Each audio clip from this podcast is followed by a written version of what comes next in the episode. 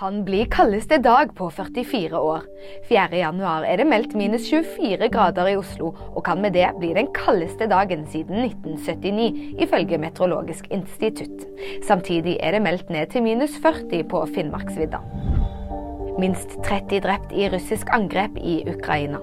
Fredag morgen ble droner og missiler brukt i angrep mot landet.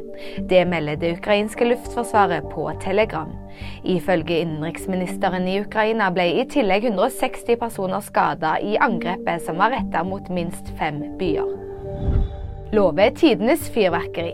Kjell Røkke er tilbake med sin faste nyttårstradisjon fra 1999.